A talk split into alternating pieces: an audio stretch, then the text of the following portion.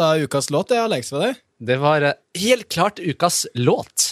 Fikk du litt uh, good feel? Good feeling. Jeg fikk good feeling. Du bruker jo alltid å si good feel. Det her snakka vi om sist, og vi gidder ikke å ta det igjen. Jeg sier good feeling. Ok. It's an ing ending. Ing, Yes. ing, ing. Bra. Du, uh, for du uh, Når du hører uh, Dette er jo boyband NSYNC. Eh, du har jo også et forhold til boyband. Ja, ja. Du liker jo mest Backstreet Boys. Nei, mest og mest. Jeg liker jo Westlife og sånt òg, da. Ja, og uh, Boyzone. Nei, Boyzone har ikke jeg noe forhold til. Men, men jeg tenkte på det her, fordi um, hvis du kunne velge, eller måtte velge Du kunne velge mellom å være boyband-artist, Ja. du kunne være hip-hopper, en rapper, eller du kunne være en rockestjerne. Hva ville du valgt? Uff, jeg måtte jo ha velga det som, eh, som jeg kanskje passa best til. da. Jeg føler jeg virkelig ikke har ett halvveis gen innenfor hiphopen engang.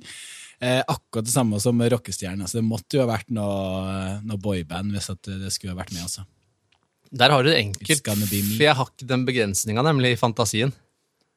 Nei, men du er jo litt, du er jo litt b-boy. Du kunne definitivt vært en hiphoper. Jeg tror ikke, jeg kan ikke se for meg det som en uh, rockestjerne. Nei, men tenk så fett det hadde vært. Litt langt hår, litt sånn skittent langt hår, skinnjakka, og bare altså, Det hadde, vært, hadde jo vært dødsfett og- Stå på scenen der og bare headbange, liksom. Ja, ja. Så jeg tror jeg, bo, altså jeg Hvis jeg fått velge, så hadde jeg valgt uh, sånn en uke på hver. en, uke, en uke med boyband, Ja. en uke som hiphoper og en uke som rockartist. Hvem skulle det vært, da? Nei, altså, det hadde vært meg sjæl. Ja, ja, ok, Men i hvilket eh, band? Nei, nå snakker jeg fiktiv verden. Fik, fiktiv. fiktiv. Ja, men jeg, sk- jeg vil gjerne vite da. hvilket boyband skulle du gjerne øh, ha vært i, og hvilken rockestjerne vil du gjerne ha vært, og hvilken hiphopper vil du gjerne ha vært. Og ja, blant de som fins. Ja, Nei, jeg ville jo ikke vært noe som fins. Jeg ville jo skapt mitt eget. så kjedelig. Men ok, skulle jeg valgt en, en rapper, da, Ja. så hadde jeg nok valgt Tupac.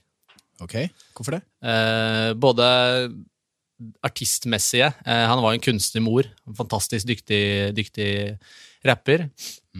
Eh, skribent. Eh, og veldig karismatisk som fyr, da, uten at jeg kjente den, men det jeg så og opplevde.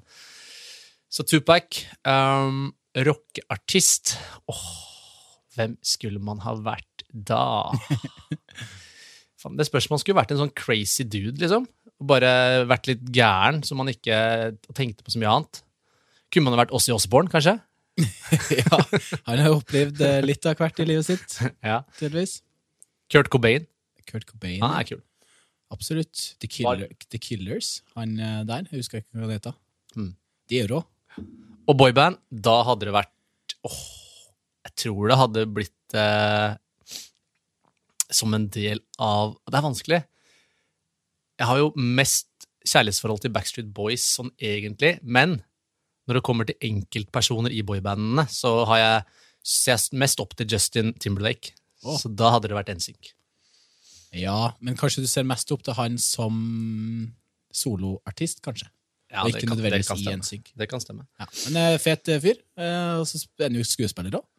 Det er den. Hva syns du om kaffen i dag? For i dag har vi jo Eller jeg føler jeg har steppa opp gamet med å ha tatt med termos. Ja, skal ta en liten munns først her nå. Så Ja, Kjør, kjør i munns.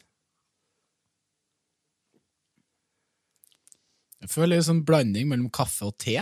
Ja, men det Kan det stemme? det er fordi at det er en Kenya-kaffe. En fruktig en. Ja. Litt lysere. Og det har du sagt før at du liker. Ja da. Ja. Ja, jeg er litt, eh, litt usikker, men det var litt mer teaktig smak. Ja. Ikke Bra. at du drikker så veldig mye te heller, men uh, ja. Ja, Ok. hjertelig velkommen til podkasten Litt for personlig trener med Alex og Tommy. Ja! Ja! Det her gleder jeg meg til. Ja, jeg òg. Og nå kommer vi inn på hvorfor jeg har valgt eh, den låta som ukas låt. Når vi nå skal avsløre ukas tema. Yep. For de av dere som ikke har lest temaet i overskriften, da. Men temaet i dag er jo eh, bevegelighet. Vet du hva albumet som den eh, NSYNC-låta som vi spilte i stad, vet du hva det albumet den var på, het? Uff.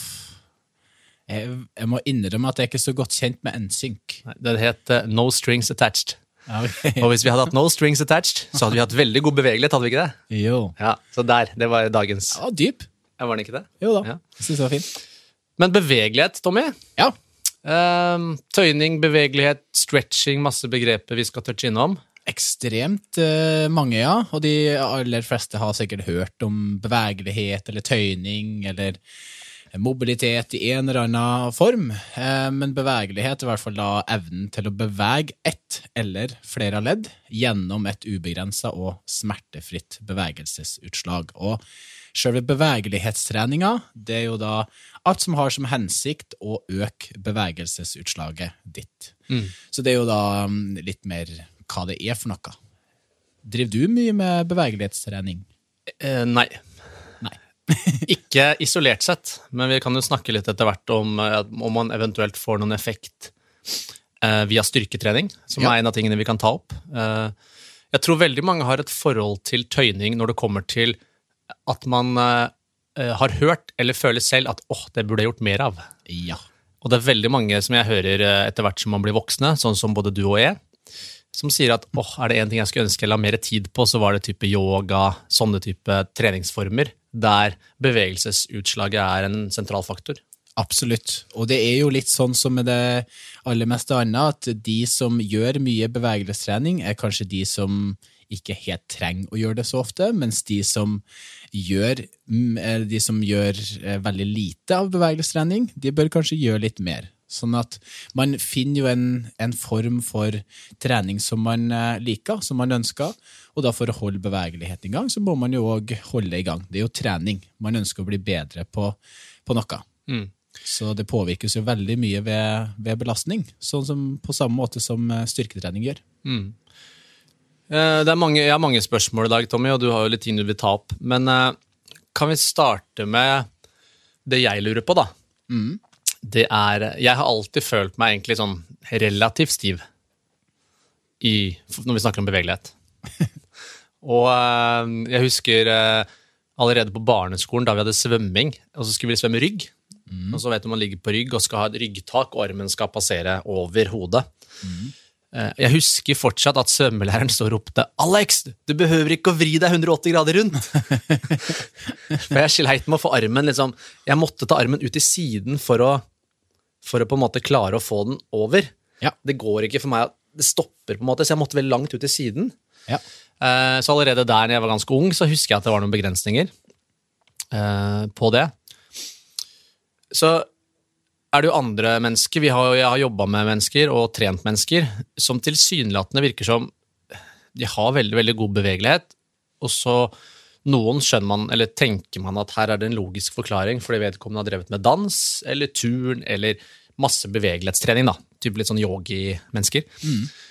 Men så er det jo de som sier at jeg har aldri tøyd, men de er bare Setter seg ned på huk, alt ser helt fint og flott ut, går nesten i spagaten. Altså, de bare er bevegelige av natur, da. Mm.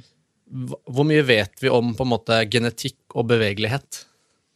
Nei, jeg vil tenke at eh, Eller vi ser jo at det er ganske likt sånn som type styrketrening, at vi er individuelle snøfnugg hele gjengen, så vi, vi er liksom satt sammen litt forskjellig. Og genetikk, arv og genetikk har kjempemye å si når det kommer til bevegelighet. Absolutt. Så det kan jo være det som gjorde at du måtte snu deg 180 grader. Det kunne òg ha noe å si med at eh, på den tida så gjorde du kanskje ikke så mye bevegelse i ytterstillinger, så, eh, du holdt jo veldig mye med fotball. Og det er jo veldig lite bevegelser i ytterposisjoner i de ulike leddene. Jeg Så- kasta innkast, da. du kasta innkast, ja. ja. Ja, Men hvor ofte gjorde du det i løpet av en kamp? Du sto bare og kasta innkast, du. Nei, jeg var jo spiss for så vidt for mesteparten av tida, så da, jeg mottok innkast kanskje mest. Ja. Det er litt rart hvis en spiss skal gå ned og ta innkast. Du skal være ganske god på de innkastene. Ja, det- saltokast, husker du det? Ja, jeg husker det godt. Lasse Olsen på Strømsgodset. Ja da. Det- Han var heftig på de saltokastene.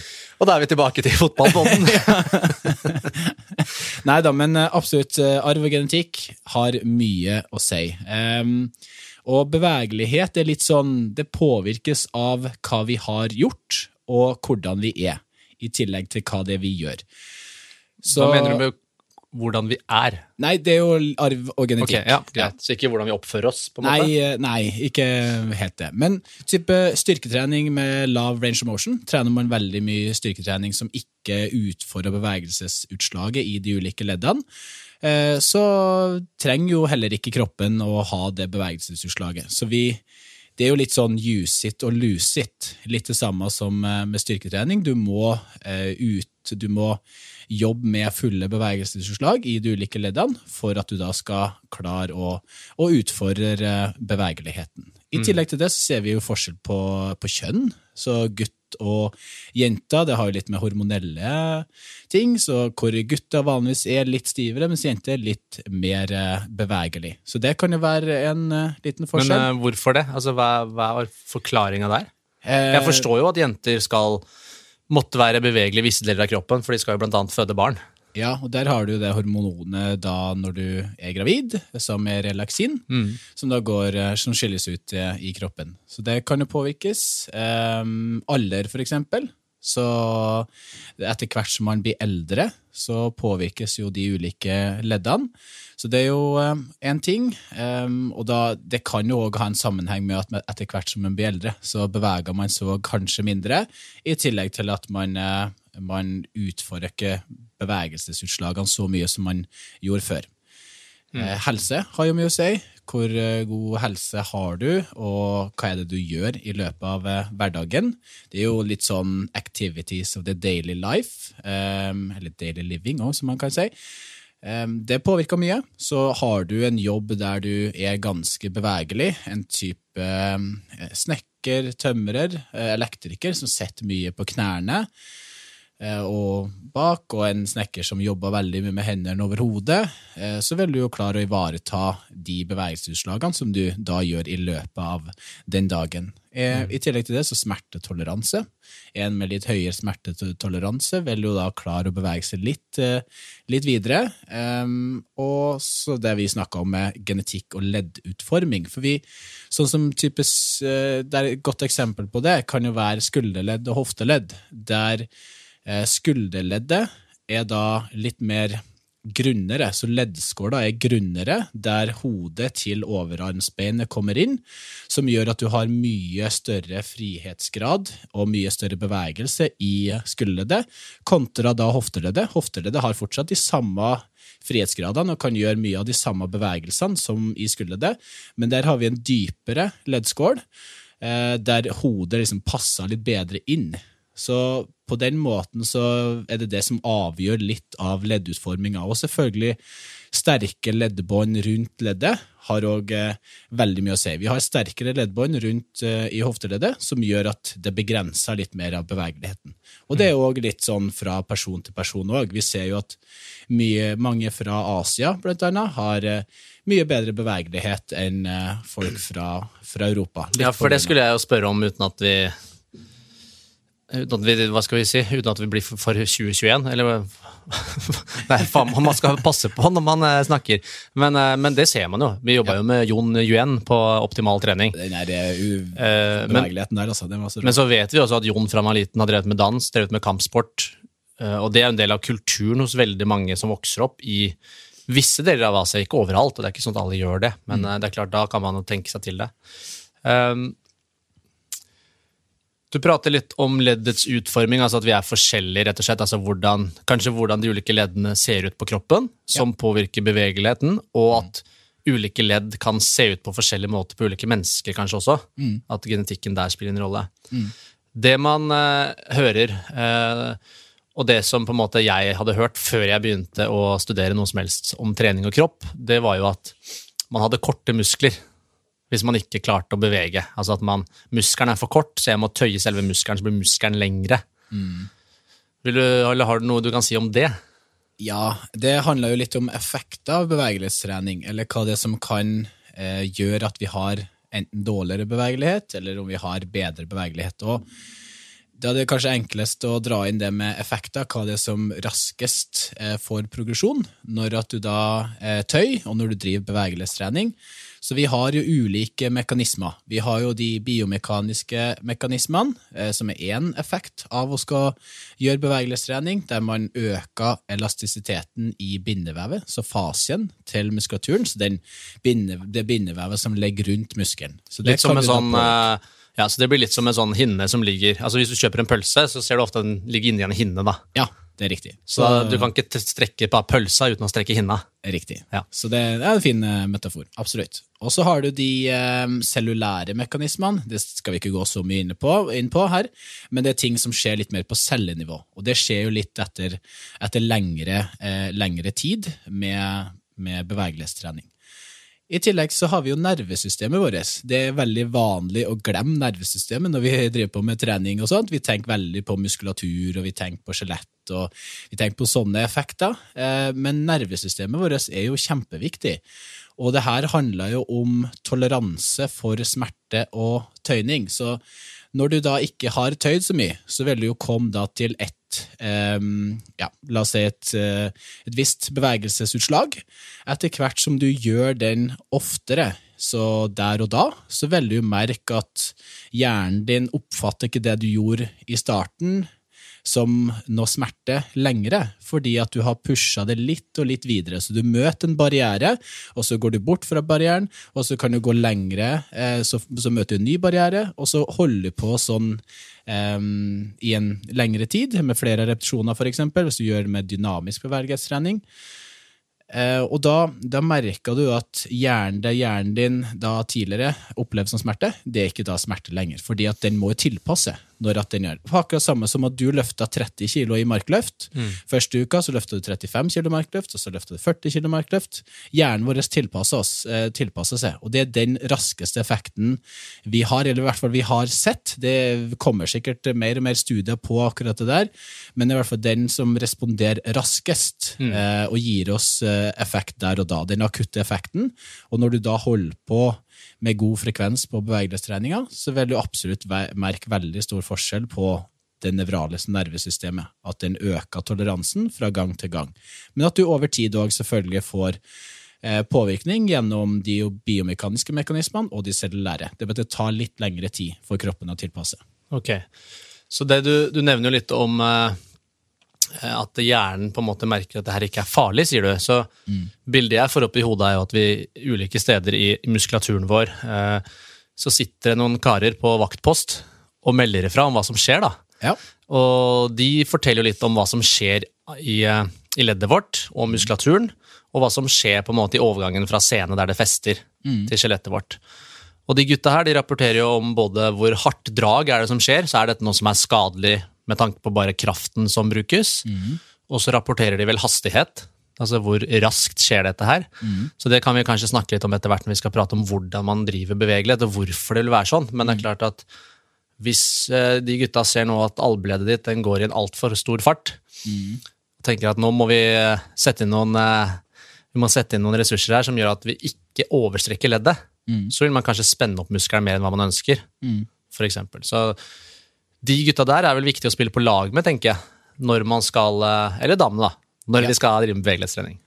Absolutt, det, det er helt, eh, helt enig med de. Men det, det, det, jeg føler de aller fleste tenker at når de tøyer, så strekker de muskelen. Vi har på en måte en, et utspring og et feste som ikke kan påvirke så mye, men selvfølgelig med fasien og litt mer de eh, cellulære mekanismene eh, kan man påvirke. Men at det er litt mer det her med toleransen for, eh, for smerte og toleransen for tøyning som da påvirkes eh, raskest. Du, kom, nå kom jeg på en ting. Ja. Eh, vi snakker om nervesystemet, som du sier kanskje påvirkes i hvert fall raskest. Ja. Og så husker jeg da jeg studerte anatomi på NIH, så var vi og så på lik, eller deler av lik, Ja. eh, og fikk lov å dra i sener og muskler og alt mulig. Og det føltes jo ikke akkurat ut som at det var veldig mye motstand i det vevet vi dreiv og styra i. Nei. Og det er jo litt sånn når du får en, et kyllinglår på tallerken, unnskyld bildet, men det, det er jo en muskel. Ja. Det er ikke sånn at det er veldig mye motstand å dra og så videre der. Eh, er det sånn at hvis du kutter nervesystemet, så har du egentlig mye mer mulighet til å dra selve muskulatur og bindevev? Absolutt. Absolutt. Og vi må, vi må, huske på at vi har jo de her eh, leddbåndene og ligamentene rundt de ulike leddene òg, som skal forhindre for mye bevegelse.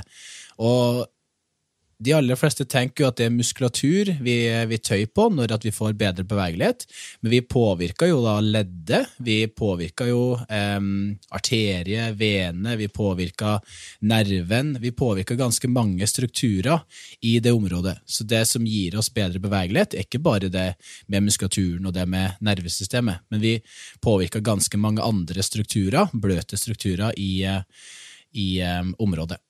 Mm. Ok, så nå snakker vi jo litt om hva vi påvirker, da. Ja. Men uh, hvorfor trenger vi bevegelighet? What's the point? For det her er jo ikke, fra mitt ståsted, veldig gøy, da. å, tre, å, trene, altså. Nei. Nei da, jeg skjønner jo det. Det er mange som ikke syns at bevegelighetstrening er så, så gøy. Um, og hvor, og hvor mye trenger vi? For dette er jo spørsmål man får hele tiden som PT, og jeg veit jo hva jeg sier, jeg vil bare høre hva du har å komme med. ja, ja, absolutt. Nei, Vi har nok sikkert litt samme tankegang på akkurat det der, men uh, jeg tror det styres veldig mye av hva det du gjør i hverdagen. Så har du en aktiv livsstil, uh, du beveger deg en del ut i ytterstillinger, så har du nok behov for den bevegeligheten som kreves for å gjøre de daglige gjøremålene du Eh, du gjør. Men er, bare, er, det sånn at du sitter på, på, på, en stol på jobben, sånn at du sitter i bilen på vei hjem, du sitter og zapper på, på TV-en, og du pusser tennene før du legger deg og du går og legger deg, så trenger du egentlig ikke så god bevegelighet. For da, da har du det, den andelen bevegelighet som du trenger for å gjøre de daglige gjøremålene.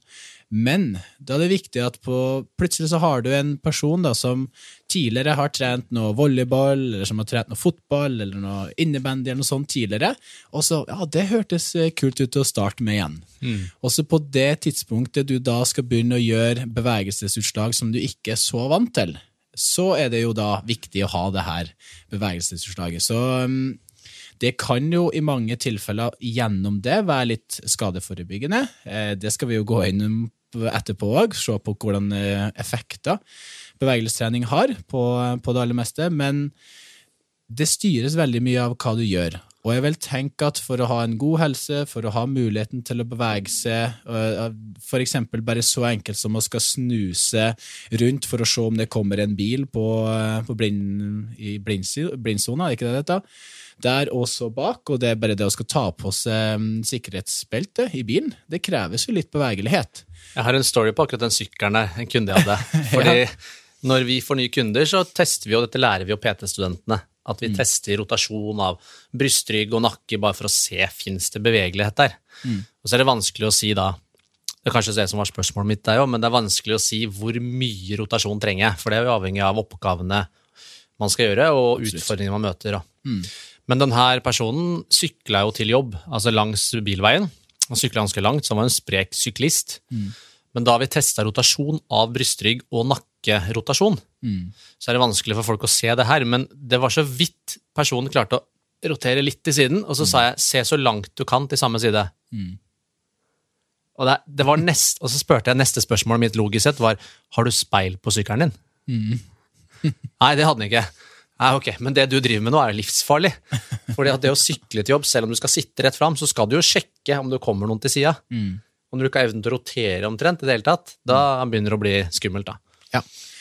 Nei, Det er jo for sånne aktiviteter og gjøremål at det kan være viktig å ha en, en viss bevegelighet. Absolutt. Så eh, det er, nok ikke, det er nok ikke dumt å legge inn litt bevegelighetstrening i, eh, i treninga si. og du vet jo at eh, det er veldig mange som syns kanskje det å skal drive og tøy og sånt, og det høres kjedelig ut, og det kan være kjedelig, men man trenger jo absolutt ikke å må drive og tøy til eh, man ser mannen med ljåen. Man kan jo drive styrketrening òg. Man ser jo at Jeg elsker når du sier mannen.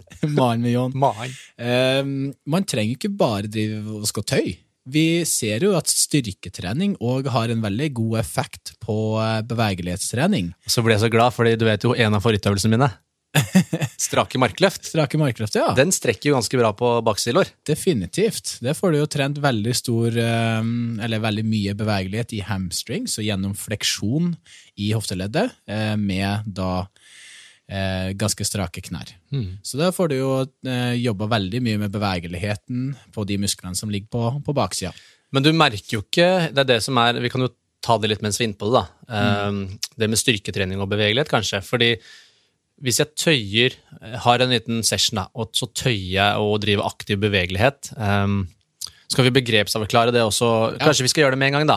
Når jeg sier aktiv, så vi har jo litt ulike former for bevegelighetstrening. Vi har jo på en måte aktiv og Eller vi kan, kan si først dynamisk og passiv, kan vi ta først. eh, Dynamisk og statisk, kan vi si. Ja, Uh, Så dynamisk er jo da med bevegelse, Ja. og statisk er jo at man holder i ro, da. Ja, så Et eksempel på det kan jo være statisk bevegelsestrening. Det er jo da kontrollert før en bevegelse til et punkt eller en stilling, og så holder den stillinga. For som veldig mange har gjort. spagat. Spagat, eller hvor man står og tøyer framsidelår, som mange har gjort på fotballen, eller står og tøyer bryst inntil en vegg, for eksempel, og holder den posisjonen. Det er jo statisk. Ja. Dynamisk er jo da at du fører leddet til ytterstilling Ja. Med en kontrollert hastighet, og så fører du det tilbake igjen Mm. til startposisjonen. da. Så du går på en måte mot ytterstilling og tilbake igjen. Absolutt. Og der faller jo strak markløft innunder den. Ja. Og det jeg skulle komme til der, var at om jeg har tatt en eh, Om jeg skulle vært på en yogatime, vi har vært med på noen på disse treningsreisene våre, Ja. eller jeg har hatt en liten session, det er ikke så ofte jeg gjør det, men det hender, jeg får ånden over meg. Og da eh, føler jeg meg mye mer bevegelig etter en sånn session enn jeg gjør etter strak markløft. Ja. Jeg føler meg ofte mindre bevegelig etter strak markløft, i hvert fall hvis jeg lar det gå noen minutter, en halvtime, så føler jeg meg egentlig stivere. Mm. Hva er grunnen til det? Nei, grunnen til det etter en, en strak markløft Ja, så Etter en strak markløft da, så føler jeg meg gjerne det er, Jeg gjør det samme, men Ja. jeg har mye mer motstand. Ja. Så etter det, så la oss si det går en halvtime, eller noen sånne ting, etter røkta, så føler jeg meg egentlig stivere i baksidelår enn jeg Mm. var før jeg starta. Mens hvis jeg gjør det rolig og kontrollert og fokuserer på pust, og sånne ting, så Mm. føler jeg meg mykere. Ja, Det har nok kanskje litt med volumet du hadde på muskulaturen, eh, samtidig som at selvfølgelig der og da så vil det jo påvirke muskulaturen med at den blir sliten, men at du over tid da vil se en god effekt over bevegeligheten eh, i, i hamstringen. Men at der og da så har du såpass mye volum, eh, og det, det er jo litt det samme, det kan vi jo komme tilbake til etterpå, hvordan hvorfor man ikke anbefaler å tøye så tungt etter, eh, etter styrkeøkter. Fordi at styrkeøkter, da trener du jo muskulaturen. Og det er jo ikke sånn at tøyning er en helt annen måte å stimulere muskulaturen på. Du vil jo fortsatt, eh, du vil jo fortsatt eh, belaste muskulaturen, og du vil fortsatt eh, få forlenga den restitusjonstida. Så hvis du tøyer veldig hardt og veldig lenge etter en styrketreningsøkt på samme muskulatur som du brukte, så er det jo ikke sånn at det styrketrening er på den ene sida og så bevegelsestrening på den andre sida. Du vil jo påvirke muskulaturen på ganske lik måte. Så eh, det kan vi jo komme tilbake til Nei, men jeg syns vi kan ta det når vi er der, for det er egentlig veldig bra poeng. Mm. Eh, Det er jo bare et stykke kjøtt som man drar i. Og om du drar i det med en vekt, altså en ekstern vekt som trekker, eller om du fester armen til veggen og så begynner å trekke i brystmuskulaturen, eksempel, Mm. eller bruker hånda di for å dra og tøye forside lår, så drar du fortsatt i samme stykke med kjøtt. Ja. Så det jeg tenkte på i stad, var kanskje mer at kan det være at man får litt mer sånn tonus, altså sånn spenthet i muskulaturen, etter man har trent styrke, Ja. sammenligna med hvis man har trent rolig bevegelighet. da. Eh, som gjør at, i hvert fall for min del innimellom, så mistolker man litt. Man tenker at åh, nå har jeg trent styrke, og så føler man seg mindre bevegelig. Ja. Men at det bare er at man har den der spentheten i nervesystemet, kanskje. Ja. Når du har en yogatime, så bytter man jo ofte posisjoner ganske ofte.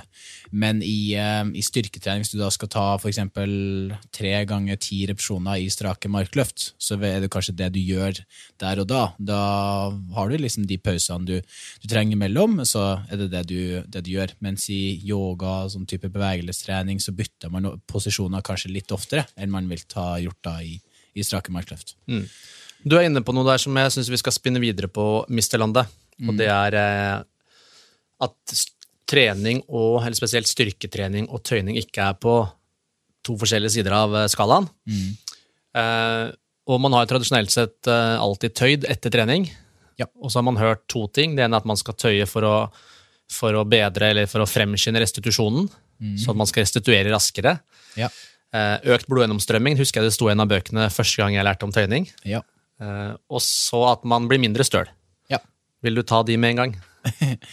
ja, jeg, jeg husker jo det her veldig godt uh, tilbake, sånn gjennom min, uh, mine egne erfaringer. Jeg spilte jo fotball uh, noen år tilbake, og da spilte jeg jo for Brønnøysund IL. Jeg husker jo det her som Bil. det var Bil.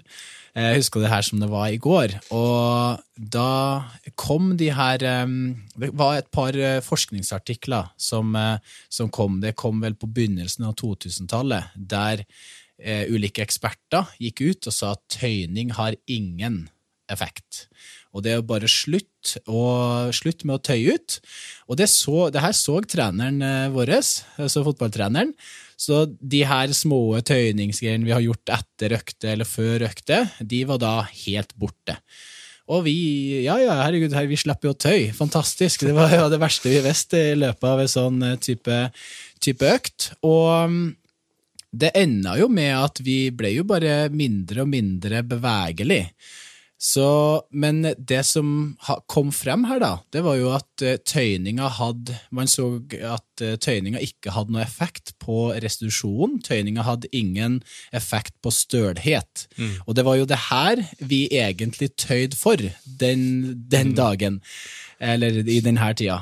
Eh, og det så jo vår trener, så tenker han nei, herre, vi trenger ikke å tøye det. Vi trenger ikke bruke fem minutter før eh, trening og ti minutter etter trening. Med på det, da kan vi heller gjøre det noe mer effektivt. Så da ble det jo sånn. Vi ble jo bare stivere og stivere hele gjengen, og vi merka jo uh, sjøl at uh, det hadde påvirkning litt sånn på, på prestasjonen. og vi ja, Det er jo vanskelig å spekulere i det nå i ettertid, da, om jeg har kommet til å vært en bedre fotballspiller hvis vi fortsatt har drevet og tøyd. Hør på nå, nå skal jeg dra sånn. Grunnen til at jeg ikke ble profesjonell fotballspiller, det var for at treneren vår i bil. Ja.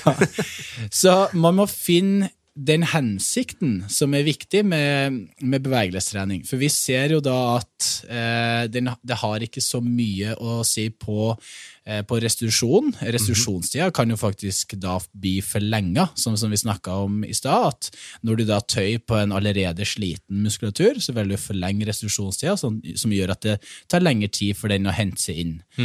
Um, Og da er vi jo inne på forklaringen på hvorfor det ikke hjelper på stølet òg, kanskje. Ja. For du drar jo i samme kjøttstykke. det er helt riktig, så du blir jo faktisk mer støl, da. Kan bli å- hvis du tøyer ja, hardt. Ja. Absolutt. Mange tøyer jo etter en økt også bare for Nå snakker jo vi liksom om bevegelighetstrening har tøyning, da. Ja. Statisk tøyning, kanskje. Eh, Men mange tøyer jo bare for de syns det er velvære, som en avslutning. Definitivt. Vil det ha samme negative effekter, tenker du? Nei, det, det tenker jeg absolutt ikke. Det kommer jo helt an på hvor lenge du gjør det. Men gjør du det sånn fem minutter, fem minutter etter trening for velbehag, det at du syns det er deilig å sette ned, og det blir på samme måte som å ha en oppvarming før en hoveddel, så har du en nedvarming etter hoveddel. Det kan vel, være veldig fint da for hodet, og jeg vet at det er mange som liker det. Da, men da har du kanskje ikke hensikt om å øke bevegelsesutslaget. Da er det mer eh, den hensikten eller formålet med å skal bare få en rolig avslutning. Sånn at du, du går Oppvarming gjør jo at du går fra 0 til 50% til 100 eh, mens nedvarming er akkurat det samme. Du går fra 100% til 50% og til 0 mm. Sånn at du har en rolig nedtrapping da etter ei, etter ei økt. Så man eh, ser definitivt at eh, man ikke blir mindre støl av å, av å trene. Når det kommer til Av å tøye. Av ja, av Ja. å tøye. Det var det jeg mente. Um, Men nå snakker du om statisk tøyning. ja, hovedsakelig. Mm. Jeg gjør det. Kan vi spinne litt over på dynamisk også? Eh, hvis vi sier statisk tøyning etter trening, bedrer ikke restitusjon og minsker ikke stølhet. Ja. Det, Vet vi noe om dynamisk tøyning i etterkant av trening? Der har man jo sett at det er litt mer bevegelse eh, involvert, sånn at man jobber jo dynamisk fra side til side, for eksempel, så man jobber med, med begge sidene eh, samtidig. Og da ser man at det nesten bare blir som, som trening og bevegelse. Så ikke, det er ikke så stor påvirkning på muskulaturen som det kanskje vil være eh, i en statisk posisjon, hvor man da holder posisjonen over lengre tid, som da gjør at muskelen belastes ganske mye. Men det er viktig å påpeke her at det skal eh, Tøyer du da fem-ti minutter etter økt, så trenger det ikke nødvendigvis å ha noen effekt. Eller negativ effekt, men tøyer du da i 15-20-25 minutter, så vil det definitivt være med å påvirke litt. hvor hardt de tøyer, da. Yes, Hvor hardt og hvor lenge, sånn som alt annet. Men eh, vi ser jo dynamisk bevegelsestrening har eh, blitt veldig i vinden. Ikke nødvendigvis bare eh, dynamisk bevegelsestrening, men også dynamisk oppvarming. Sånn at man heller, eh, man, der man tidligere tøyd etter trening, så Før var det mer statisk oppvarming. ja, det òg. Drive og tøye litt på, Ja, okay. på brystet og sånne ting. Ja. Men nå så har det gått mer over på dynamisk eh, oppvarming, sånn at man eh, driver og gjør ulike bevegelser som man da skal gjøre på økta etterpå. Så formålet med dynamisk oppvarming er kanskje ikke nødvendigvis å øke bevegelsesutslaget, men bare for å få kroppen litt i gang og bli varm, og få i gang de leddene og de områdene som du da skal trene. Så for eksempel, da, hvis du starter økta med en knebøy, så kan jo da eksempelvis eh, squat to stand være en kjempefin eh, øvelse å gjøre først, for at det vil være en sånn naturlig overgang fra en generell oppvarming, kanskje på romaskin, tredemølle, ellipse osv. Mm. Og så vil du ha en spesifikk oppvarming, som da kan være en dynamisk. Så en Scott to stand der du setter ned knebøy, eh, og så jobber du litt sånn opp og ned. Og med- Snikreklame hvis ikke du vet hva squat to stand er. Gå inn på prehabtrening.no og sjekk ut videoene til Tommy Lande med spamusikk der. Veldig, veldig hyggelig og veldig bra forklart. Så um, det finnes mange sånne øvelser, og det, det, det begynner å bli flere og flere som bruker det, og som ser at det har en god effekt. Man slipper det der 0 til 100% så at man går direkte fra bilen og så rett i gang med, med knebøy. Man ser at man får litt bedre bevegelighet, sånn at man kanskje får henta ut 10-20 ekstra. eh, ja, ekstra dypere knebøy ved å gjøre litt sånn, for å komme litt i, i gang. Og bare for å få hodet i gang, for å få kroppen i gang. Så en sånn type dynamisk oppvarming. Men som sagt, ikke med formål om å da få beve bedre bevegelighet. Eh, da må man kanskje holde på litt lengre. Så der er mer for, egentlig bare for å forberede økta, da. Ja. Men, men over tid så vil det jo selvfølgelig ha en positiv eh, effekt på bevegeligheten nå, eh, uten, at du- uten at du nødvendigvis vil det. Eh, fordi at du sniker det inn såpass ofte. Så trener du fire ganger i uka. To til tre sånne dynamiske oppvarmingsøvelser først, så vil jo det ha påvirkning på bevegelighetstrening, for at du, du bruker det, og du eh, putter kroppen din i ytterstillinger. Og desto oftere du gjør det, desto eh, raskere må den jo tilpasse eh, det, de belastningene og de bevegelsene som, eh, som skapes. Det er to spørsmål som dukker opp, og hvis jeg hadde hørt på nå, så hadde disse to dukka opp ganske kjapt, tror jeg. Eh, du sa jo oftere vi gjør det, desto Mm. raskere må kroppen tilpasse seg. Betyr det at jo mer, jo bedre når det kommer til bevegelighetstrening?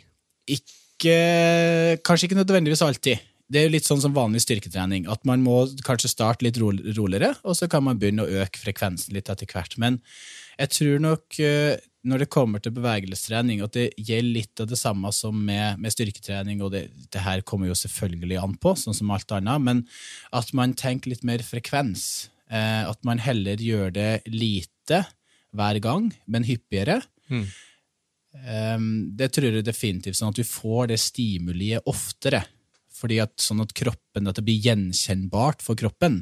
For det er jo nervesystemet vi òg trener her, ikke nødvendigvis bare leddutslagene og sånt, men at kroppen din begynner å kjenne igjen de ulike leddutslagene og, og bevegelsene.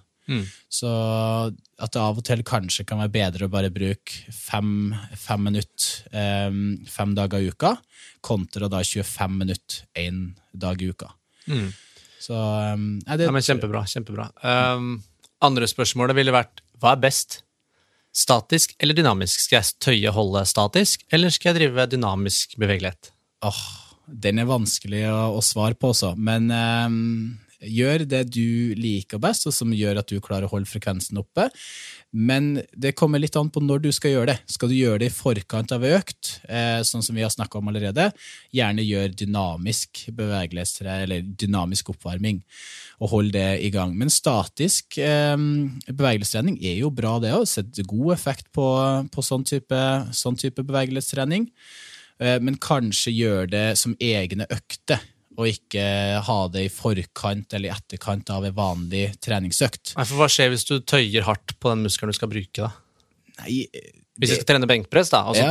står jeg og tøyer brystmuskulaturen mye i forkant, ja. så, så har man jo hørt at da blir muskelen svakere, eller evnen til å utvikle kraft blir dårligere i den muskelen som du står og tøyer. Absolutt. Hva, hva er grunnen til det? Nei, det er jo litt det samme som vi snakka om i stad med den eh, statiske tøyninga etter trening. Så det er jo et type kjøtt. Så du påvirker jo det kjøttet uansett hva det du gjør, så lenge du, om du tøyer eller om du trener. eh, så, så vil du påvirke den muskelen, og den muskelen vil da bli mer sliten. Eh, og hvis du da skal tøye brystmuskulaturen før ei, eh, ei benkpressøkt, så vil du merke at du kanskje blir litt mindre eksplosiv, du blir litt mindre sterk eh, som gjør at det er litt vanskeligere å utvikle kraft hurtig. Så, um, så der vil jeg absolutt eh, si at det kan være, kan være lurt å legge det til eh, litt annen tid enn før eller etter ei styrketreningsøkt hvis du skal gjøre statisk. Men statisk bevegelsestrening og det er selvfølgelig et kjempefint verktøy. Ok, Så begge deler funker, det er det du sier? Ja, men det er nok kanskje enklere å få inn beve eller dynamisk bevegelighetstrening. For det, det er litt eh, et verktøy som du kan bruke litt oftere og i sammenheng med andre ting.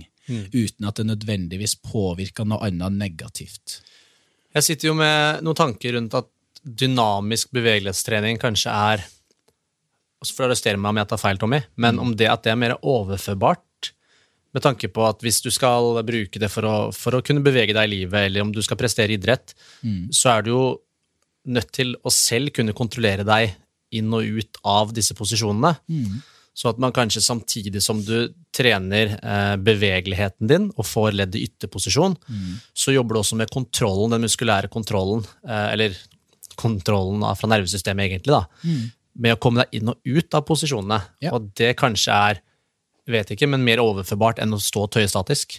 Absolutt. Og jeg, jeg tror på en nybegynner så kan du i veldig mange tilfeller bedre både koordinasjon, kroppsbeherskelse, eh, motorikk med eh, dynamisk bevegelighetstrening, fordi at du blir mer kjent på hvordan, kroppen din beveger seg, hvilke ytterstillinger du har, og hvilke posisjoner som, eh, som du klarer å, å kontrollere. Og her er det jo selvfølgelig det er en del balanse i det, det er en del eh, bevegelse i det. Så jeg følger den, altså. Absolutt. Og så tenker jeg litt på timing av det her. Nå snakker vi om statisk bevegelighet som mindre optimalt før trening. Mm. men la oss si at jeg nå har hatt en busy dag, eh, vet at jeg burde fått inn noe form for bevegelighet, og så er det fort kveld, da. Ja.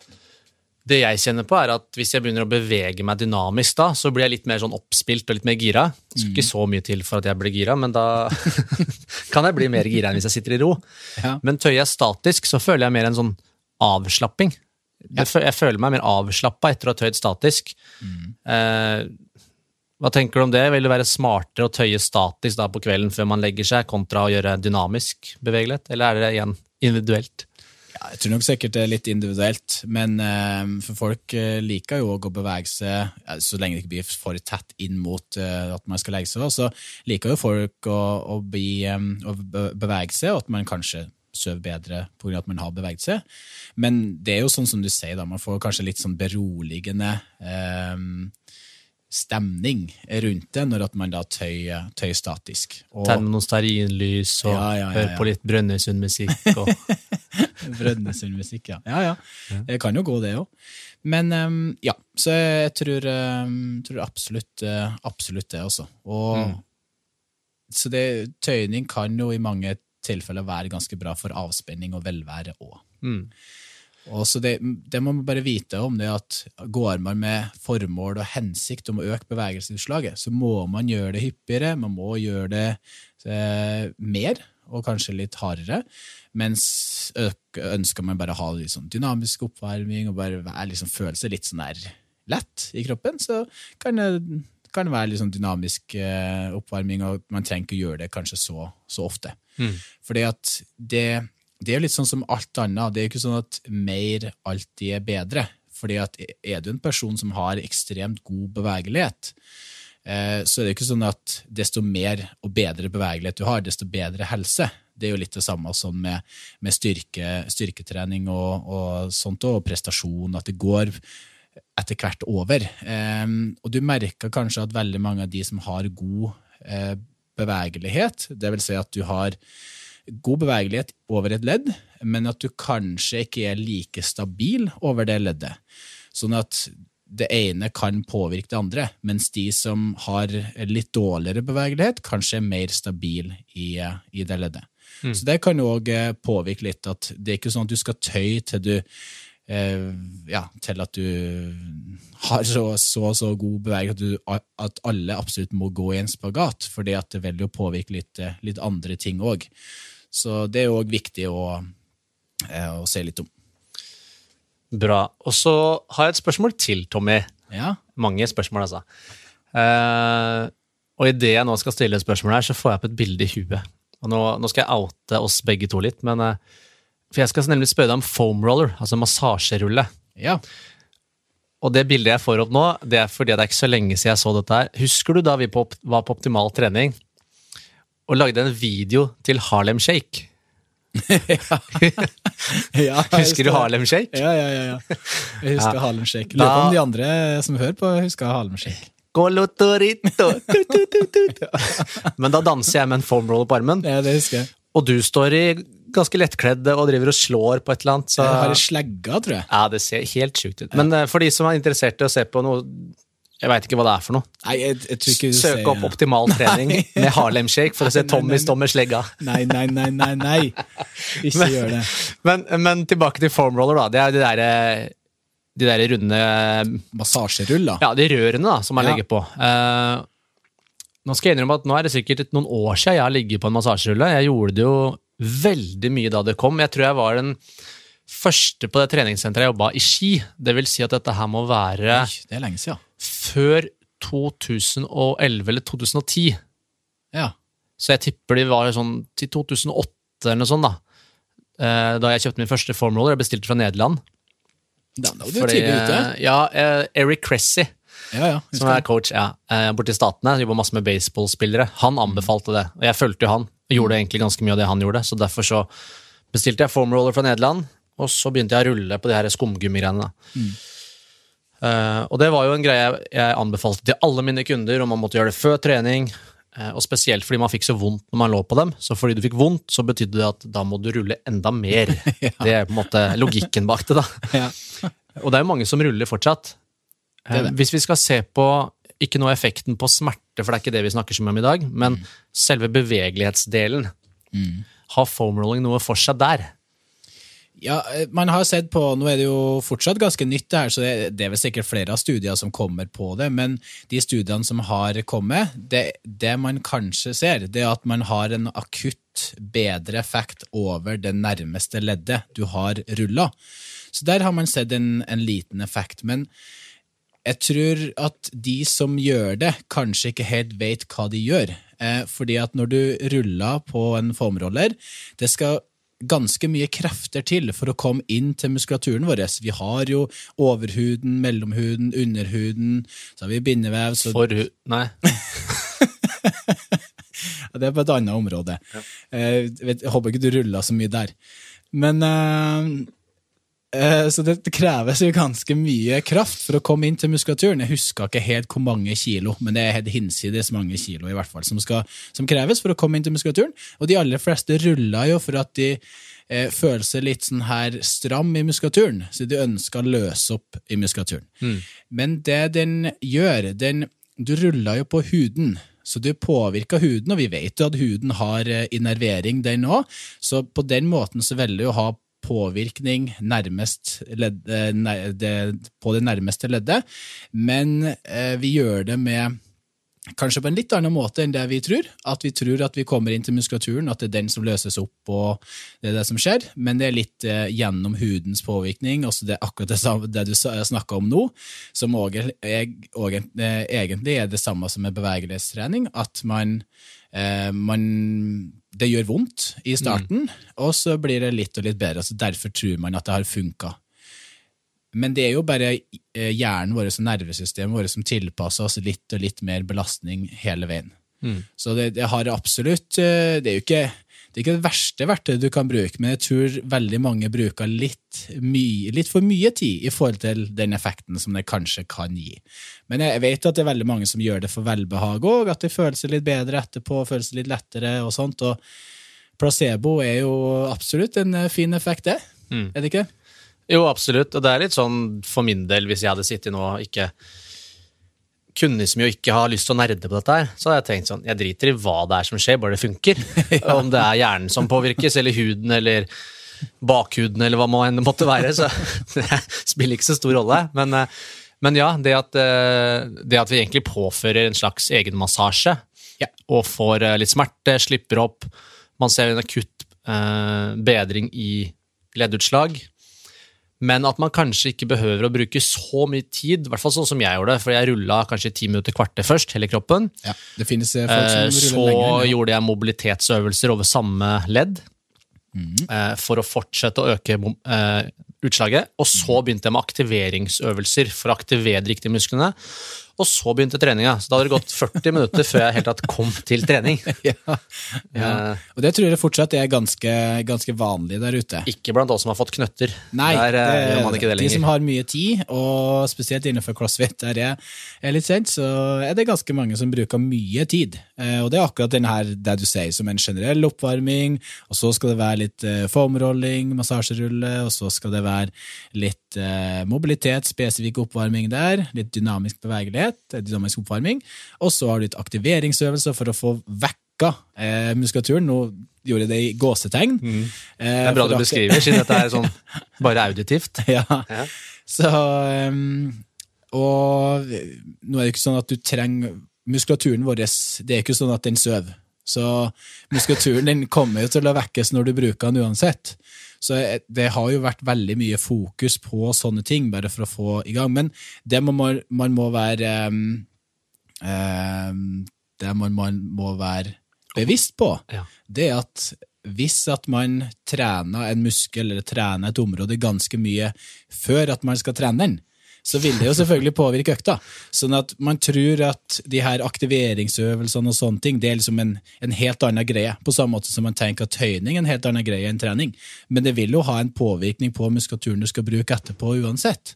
Sånn at det faktisk kan gi det dårligere eh, styrke, og i hvert fall på eksplosiviteten og hurtig kraftutvikling. så kan det være litt sånn negativt hvis du har allerede trent muskulaturen veldig hardt. Ja, og grunnen til, at vi, grunnen til at vi sitter og smiler og ler litt av det her, er fordi vi har gjort alt dette her sjøl. Ja, det har vi. Vi har jo på en måte kjørt minibands i 20 minutter på kundene våre før vi skal trene hip thrust for å aktivere rumpa.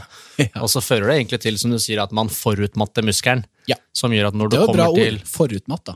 ja, Det var kult. ja, Er ikke det et vanlig Treningsord? Å, nei. jeg Ja. kanskje jeg skal begynne å bruke det. Du må lese mer byggeartikler, så hører om dette her. Ja, jeg gjør ikke, det gjør ikke så mye. Nei. da, men da Vi har i hvert fall gjort dette her selv. Det er derfor vi kan sitte og le litt og sånne ting. Men så spora vi litt av bevegelighet, men da kan vi jo si det. At hvis du er en av de som bruker veldig mye tid på å aktivere eh, muskler som sover, i gåsetegn, som Tommy gjorde så fint, så kan du egentlig droppe det, og heller varme opp med den øvelsen du skal bruke, og så bruke energien din på den øvelsen. Det vil være bedre. Absolutt. Bra. Har du noe mer ting innenfor bevegelighetstrening? Vi har snakka litt om hva det er vi påvirker. Vi har jo prata litt om forskjellen på dynamisk og statisk, Ja. Og at det kan ha like god effekt, men at man skal tenke litt på timing på hva man bruker når. Kanskje vi skal snakke om, eh, for veldig mange tror at man må, må presse helt til det ytterste. Ja, for du snakka jo om smertetoleranse, Ja, og er sånn, da tenker jeg ok, så er det bare Det er litt som Elina sa på utholdenhet. ja, Når jeg spurte, og da fikk jeg jo ganske greit svar på at det må bare bite tenna sammen og tåle litt mer. Ikke være så forbanna pinglete. ja. Er det det samme som på bevegelighet? At jeg prøver å komme ned i spagaten, det gjør ganske vondt, så hvis du da er min turntrener, så kommer du bare trykke meg ned, så må jeg bare tåle det. Og så blir det bedre. Jeg vet nok kanskje Jeg vet at det blir utført litt i sånn eh, så type ballett og sånne type der du, det krever ekstremt god, eh, god bevegelighet og dans og turn og sånt. Der bruker de eh, veldig mye passiv tøyning, der de tøyer på hverandre som en ytre kraft. Eh, Men sånn kanskje, for helt vanlige folk, så vel selve intensiteten kan være at det kan være et lett, lite ubehag, men at man kanskje bør stoppe eh, rett før man når smertegrensen. Det, det, det, det føles som man skal spjære når du står og tøyer innside lår, da, i Ja. lysken. Absolutt. Det gjør det. Så stopp gjerne litt før. Eh, Det kan være lurt. Og så, du vet jo at på hvert fall med dynamisk, at du kommer til å komme lengre og lengre for hver gang. Og da, da trenger du ikke å presse det helt til det ytterste på eh, allerede første repetisjon. Så det kan være fint å starte litt rolig innenfor eh, bevegelighetens barriere, eh, og så etter hvert så vil du jo pushe den barrieren videre og videre og videre hele veien. Så det, det er ikke noe vits i å starte for, for hardt. fordi at du kan, Jeg vet om flere som har tøyd på seg strekker, tøyd på seg smerter og skader. Eh, det er ikke sånn at tøyning bare er noe helt annet enn alt annet. Så start, eh, start rolig og, og, kontrollert, så at du blir liksom varm i øvelsen før at du begynner å pushe for mye. Skal, du skal kjenne at det er en solid tøyning, det skal du gjøre. Mm. Eh, men at det ikke er noe direkte smerte. Og der er jeg som terapeut jeg bruker en, og det gjør jo de aller fleste terapeuter og leger. og sånt, Vi bruker vi noe som heter en VAS-skala, som ikke alltid er like enkel å gå ut ifra, men det er fra én til ti, eh, der ti er verst tenkelige smerte og én er best tenkelige smerte. Så er det da eh, rundt fem til sju. Så ca. halvparten av verst tenkelig smerte. Være, tallet, sju går inn i veldig veldig mye, sånn, sånn litt over middels, føler jeg. I masse. Når vi ja. prata om lykke òg, husker du det? Der var ja. altså tallet sju inne. Ja. ja, kanskje det, tror jeg da. Ja, det er Beckham sitt tall, vet du. Beckham. Steve McManaman. Æsj, for en fyr. Men uh, ja, det var, nå datt jeg ut her. Nå satt jeg og tenkte på um, uh, Jo, trenbarheten på dette. Vi snakka litt om genetikk. Ja. Uh, det må jo være sånn her, og sikkert sånn som i styrke, at man kanskje har litt ulike forskjeller på, på hvor trenbart det er på ulike individer. Du hadde jo et prosjekt, husker jeg, du var i Australia. Mm. Hvor du starta som et strykejern på bunn, var det det du kalte det? Fra et strykejern på havbunn til en uh, snikende tiger, var det ja, det? Noe sånt. Ja, da, det her solgte du som et, som et konsept hvor folk ja. hang seg på, ja. og så skulle dere trene så mye bevegelighet. Ja. Jeg vil tippe det var vel så egoistisk uh, tankegang for at du skulle pushe til å gjøre det? ja, litt. Men uh, hjalp det? Blei du mer bevegelig av det? Ja, jeg ble jo absolutt det. Og det, det, det, er sånn som alt annet. Gjør du det, så, så, blir det jo bedre vanligvis, for kroppen tilpasser seg litt. Og det var ikke mye vi, vi trengte. Jeg husker jeg laga det programmet. Jeg tror det var tre-fire øvelser daglig, fem dager i uka.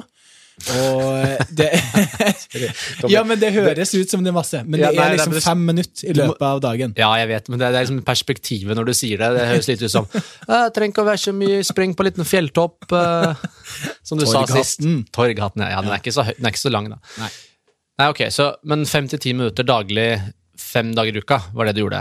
Ja, du kunne, du kunne, velge litt. Det var alt avhengig. Noen gjorde det tre dager i uka, noen gjorde det fire dager i uka, noen gjorde det fem dager i uka. Mm. Så det var i hvert fall opplegg da, til fem dager i uka. Og jeg merka jo ganske stor effekt. Eh, det her var jo ved siden av eh, type trening som jeg gjorde på F45, og det var trening ved siden av crossfiten som vi, som vi gjorde. Og da hadde vi jo mye, mye bevegelse som det var, bare var på grunn av det programmet. Det er ikke nødvendigvis det, men eh, jeg merka selvfølgelig at jeg fikk bedre bevegelighet. Og da er det store spørsmålet, da. Mm. Hvor mye bevegelighetstrening er nødvendig for å få effekt? Hva er på en måte en minimum som vi Kan vi gi noen generelle retningslinjer til folket?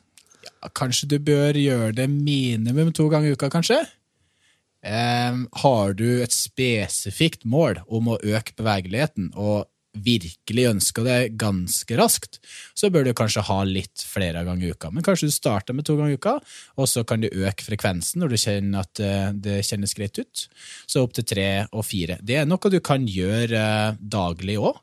Mm. Og eh, det er jo litt sånn samme volum er lik samme effekt. Sånn at du må jo da ha litt, litt, mer frekvens etter hvert. for å da skal, På samme måte som med styrketrening, så må du kanskje løfte litt tyngre, eller ta litt flere reps, eller uh, ta flere sett. Så du, du, må Så du må i hvert fall pushe bevegelsesutslaget da, litt fra gang til gang eller uke til uke her også? Absolutt. Og det er gjort uh, en del studier på det med, med volum. Og det, man ser sånn daglig volum på mellom 60 til 300 sekunder om dagen. Det er et ganske stort spenn der. Da snakker vi om statisk trening igjen? Ja, det er riktig.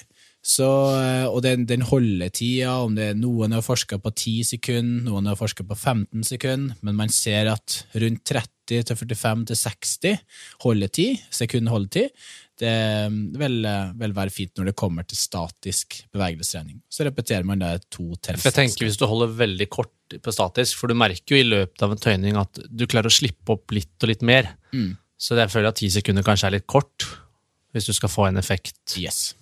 Der. Absolutt. Ja. Så, men det kommer sikkert bare, bare mer og mer på det. Har vi noen anbefalinger? Dette er jo statisk tøyning, så et eller annet sted der si minimum to ganger i uka, kanskje opp til tre til fem. Mm. Eh, 60 til hvor mange sekunder, sa du? Totalt? Eh, Nei, mellom 30 til 60 Å ja, mellom 60 til 300 sekunder. Har vi noen anbefalinger på antall reps og sett når det kommer til eh, dynamisk? Ja, på dynamisk. Har ikke sett så mye på det, men kanskje rundt 8 til 12 repetisjoner ganger tre, tre runder på den dynamiske.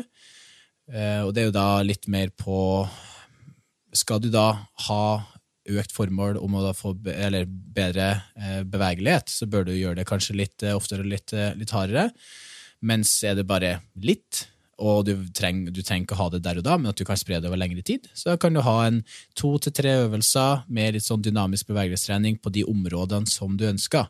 Så for en person som ønsker litt bedre bevegelighet i hofte og kanskje ankler, så bør det prioriteres litt, eh, mer enn det andre. Og så har du da f.eks. skulderfleksjon du ønsker, sånn at du ønsker å få bedre bevegelighet i, i skuldra, eksempel til skulderpress eller til frontbøyposisjon, så må du gjøre litt mer av det. Så vi er veldig individuelle der. Noen trenger kanskje, og det kommer helt an på hva du ønsker å ha bedre bevegelighet eh, til. Så om det er en knebøy, eller om det er en skulderpress, eller noe sånt, så må du jobbe litt mer spesifikt med det området du ønsker. Men eh, å legge det inn, trener du tre-fire ganger i uka, så legg det inn, legg inn en fem til ti minutter. Tre, To-tre øvelser ganger åtte til tolv repetisjoner eh, ganger tre sett. Så vil du få ganske god effekt der, og du vil få en god akutt effekt som du da kan bruke til eh, økta. Og den akutte effekten den vil jo da gå litt tilbake når at du da er når du er ferdig med økta og det kommer en ny dag osv. Men når du da gjør det igjen neste dag, så vil jo det her mm, tilpasse mer og mer etter hvert. Veldig bra. Det her tror jeg er oppklarende for en god del, forhåpentligvis. Ja, håpa absolutt det. Jeg tenkte på en, eh, en ting der med Jeg kan ta mitt eksempel, da, sånn at det blir litt mer nærleggende for meg. Jeg har litt utfordringer med skulderfleksjon. Det betyr på godt norsk å ta armene over hodet. Ja. Så når jeg nå sitter her foran deg, Tommy, og jeg løfter armene over hodet, mm. så klarer ikke jeg akkurat å få armene på linje med ørene. Nei, jeg Det ser ser det. du. Ja. Uh, og da er det litt sånn Det som jeg lurer på, uh, og mange andre lurer på da, det er det sånn Ok, så en øvelse som kanskje jeg har hatt lyst til å gjøre, skulderpress med stang. Ja. Er det sånn da at uh, jeg burde opparbeide meg en viss bevegelighet for å få hermetegn, fortjene å gjøre øvelsen? eh, eller kan jeg bare presse fram mobiliteten i selve øvelsen, hvis jeg klarer det? Skjønte du? Ja, jeg, skjønte, jeg skjønner veldig godt hva du gjør. For at det der er litt eh, vanskelig å svare på. Fordi at eh, det er litt sånn høna og. Eh, du kan få bedre bevegelighet av å drive styrketrening, av å drive skulderpress. Mm. Eh, men så vil du kanskje finne hva kaller jeg, gåsetegn hensiktsmessige bevegelsesutslag. sånn at i stedet for at du driver og presser eh, opp og litt frem med stanga, sånn at du ikke klarer å få den da på linje med ørene dine over hodet, eh, så vil du kanskje begynne å belaste eh, muskulaturen på en litt annen måte enn det du ønsker, at du blir sterk eller at du blir god i en annen bevegelse enn det du egentlig ønsker. Så da kan det kanskje være eh, fordelaktig å jobbe litt med bevegeligheten først, men ikke det at man skal slutte med, nei, med skulderpress, fordi da kan man jo for eksempel sette seg ned på en benk med ryggstøtte, for eksempel, der man kan legge seg litt bak, som gjør at um, du får litt bedre posisjon for å da gjøre en skulderpress. Og det er eksempel- akkurat det jeg gjør. Ja, Ja.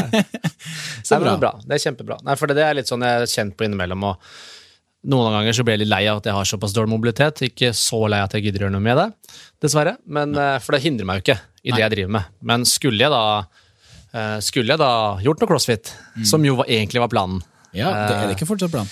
Vet du hva, det er, litt, eh, det er mange som har spurt om. Nå nærmer vi oss eh, avslutning av eh, dagens episode, for nå har vi sittet og skravla en time her. Ja. Men Nei, jeg har fått svar på MR som viser at jeg har litt rifter i leddleppa. Skal Ja. jeg si det en til, sånn at Pia Eliassen, når hun hører på, skal få lov å høre leddleppe. Sånn. Hun syns det er veldig ekkelt, skjønner du. Oh, ja. Ja, men labrumen, eh, Labrumen, ja. Så den, den, Men den viser jo bare at det er noen rifter, og det manuellterapeuten som henviste meg, sa, var at det er ingen dødsdom. Hadde jeg vært der, så hadde jeg gjort alt som vanlig. Og får du vondt, unngå det. Ja. Det var det han sa. Det er jo så enkelt. Så det er jo så enkelt. Men uh, erfaringsmessig så er jo alle knebøybevegelser litt mer utfordrende enn andre ting. Jeg kan gjøre veldig mye annet. Eh, så vi får se litt på om det blir det. Og det der er jo et veldig godt eksempel òg på at sånn som vi snakka om nå, med styrketrening, og styrketrening også kan være veldig bra for bevegelsesutslag. Vi snakker om, eh, vi snakker om strake markløft. Eh, du har jo òg eh, bulgarsk splittbøy, for eksempel. Knebøy er jo verdens beste bevegelighetsøvelse for å bli god i knebøy. eh, du har jo for eksempel flies, er jo bra for bevegeligheten over skulderleddet. Du har frontbøy òg, selvfølgelig. Du har eh, skulderpress. Så det er jo mange typer øvelser som òg ikke nødvendigvis bare har styrkehensikt, men som òg har et bevegelighetshensikt. Og sånn som i CrossFit så har du jo trusters, du har wallballs, du har mange øvelser som utfordrer bevegeligheten litt. Og det har jeg sett litt eh, på mange av medlemmene våre. Vi, vi har jo en generell og en spesifikk oppvarming først. Så trener du mye, går du mye på timer, eh, så selvfølgelig så vil den eh, spesifikke oppvarminga, dynamiske oppvarminga før økta, den vil jo gi det god effekt på bevegeligheten over tid. Men det er veldig mange som ikke tøyer noe ved siden av, men de har uansett sett god effekt på bevegeligheten, fordi at de utfordrer seg mer i i ytterstillinger i de ulike leddene i crossfit. Så der har man sett veldig mange som hadde ganske dårlig bevegelighet da de starta, inkludert meg sjøl. Eh, men der eh, ting endra seg over tid, selvfølgelig, for at kravet til bevegelse og eh, ytterstillinger i ulike ledd, det blir da høyere. Var det litt snikreklame for CrossFit Sagene? Nei, absolutt ikke. Det var, Vil bare en, du bli en mer bevegelig utgave av deg selv? Meld deg inn i dag for kun Nei, det det var snikreklame for trening generelt. Ja. Så det, Det er bra. Ja, Det er veldig bra, Tommy. ja det er viktig. Har du noe på hjertet avslutningsvis i dag? Eh, Ikke en sånn kvartersrant, men om du har noen ting du vil dele? Nei, Vi kan jo snakke om litt sånn fordeler ved bevegelighetstrening. da. Vi kan jo si at det har økt bevegelsesutslag i ett eller flere ledd. Det er jo én ting. Eh, det kan påvirke Starte med å telle med pekefingeren. Én. Oi, har det blitt sånn? Det er sånn du teller. Én. Pekefinger først. Det kan påvirke teknikk og prestasjon, så eksempel det at du kommer dypere ned i knebøy. Det er jo da en positiv ting. Og at du faktisk i ditt tilfelle kan gjøre skulderpress med stang i stedet for skulderpress med manualer sittende. Kanskje du klarer mer eh, belastning stående med stang enn du klarer sittende. Så det kan jo ha noe å si på prestasjon. Det kan, eh, kan virke skadeforebyggende over eh, da muskel- og seneskader, spesielt i eh, posisjoner som kroppen din da har gjort, gjort noe av. Eh, så der eh, kan det ha en, eh, en, eh, en effekt. Det føles godt. Kan Kan føles godt. Det kan føles godt. Så veldig mange erfarer at man føler seg litt sånn mykere og litt lettere i kroppen, kanskje. Der er navnet som en snikende tiger. Som en snikende tiger.